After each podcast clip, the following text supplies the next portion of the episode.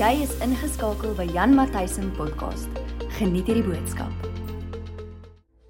Hi julle, baie welkom by sessie 7 van uh, praktiese gebed. Vandag wil ek so klein bietjie gesels oor wat gebeur in die gees wanneer ek bid.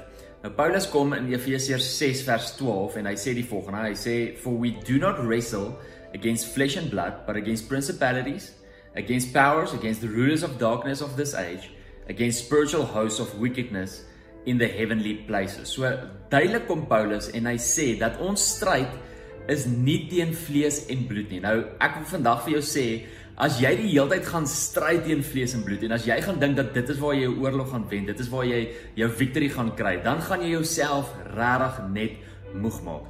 Die enigste plek waar ons ons victory kry is die oomblik wanneer ons op ons knieë gaan en wanneer ons besig is om te bid, want daar is iets in die duisternis. Daar's daar's 'n geestesriem wat teen ons beklei en wat letterlik wil maak dat ons moet misluk. So daar's goed wat in die gees gebeur. Ons weet nie altyd lekker wat in die gees gebeur nie, maar daar is 'n gedeelte in die Bybel wat vir ons 'n klein bietjie agtergrond gee van wat in die gees kan gebeur die oomblik wanneer ons besig is om te bid. En hierdie storie verhaal speel af in Daniël 10. Nou Daniël 10 is 'n amazing gedeelte want Daniël is besig om te bid en hy vas en vir 3 weke soek hy vir 'n antwoord, soek hy um die Here en soek hy deurbraak oor hierdie ding waarvoor hy bid en hy kry nie deurbraak nie totdat op 'n dag 'n engel aan hom verskyn en vir hom die volgende sê. Ek wil dit graag vir julle vir julle lees want ek dink daar's soveel soveel krag hierin. In Daniël 10 vers 12, maar gaan lees asseblief die hele boek van Daniël. Dis amazing, veral as jy so 'n bietjie meer wil weet oor intersessie.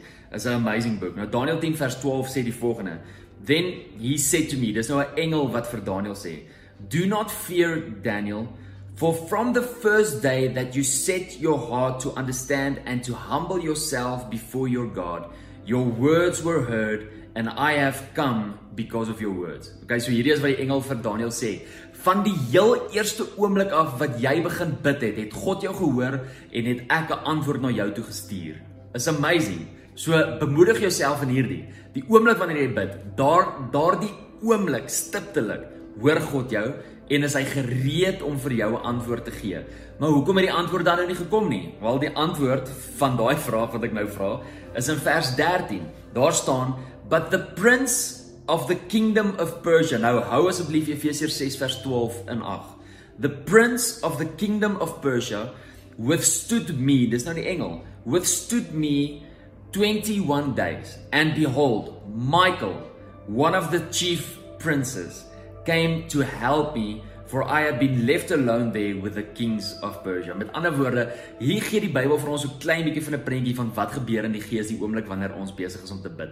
Um hierdie engel kom om 'n boodskap te bring, maar die owerheid, die mag wat in beheer is van die area van Persië, keer hierdie engel om 'n antwoord te bring vir Daniël.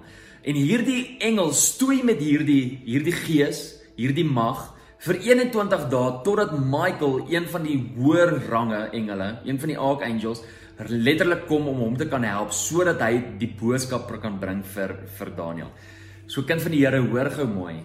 Moet nooit die oomblik wanneer jy antwoord kry van die Here, die oomblik wanneer God met jou praat of die oomblik wanneer jy deurbraak kry, moet dit nooit ligtelik opneem nie. Want jy weet nie wat in die gees gebeur het vir daai antwoord om te kom nie, vir daai deurbraak om te kom nie. Ons sien nou letterlik hier wat alles daar gebeur. Die owerhede en die magte en daai goeters wat ons stry teen in die gees wil nie hê dat jy moet antwoord kry nie, wil nie hê dat jy moet deurbraak kry nie. En jy kan nie as gevolg van die feit dat daar nie antwoord kom moeg raak nie. Daniël sê vir ons dat hy vir daai volle 21 dae aanhou bid het.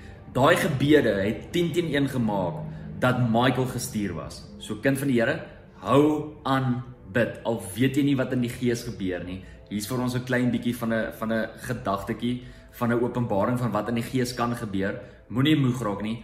Hou aan bid en vertrou die Here dat daai deurbraak gaan kom. Bless jou.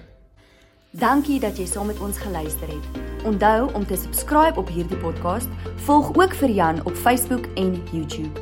Tot 'n volgende keer. Die Here seën jou.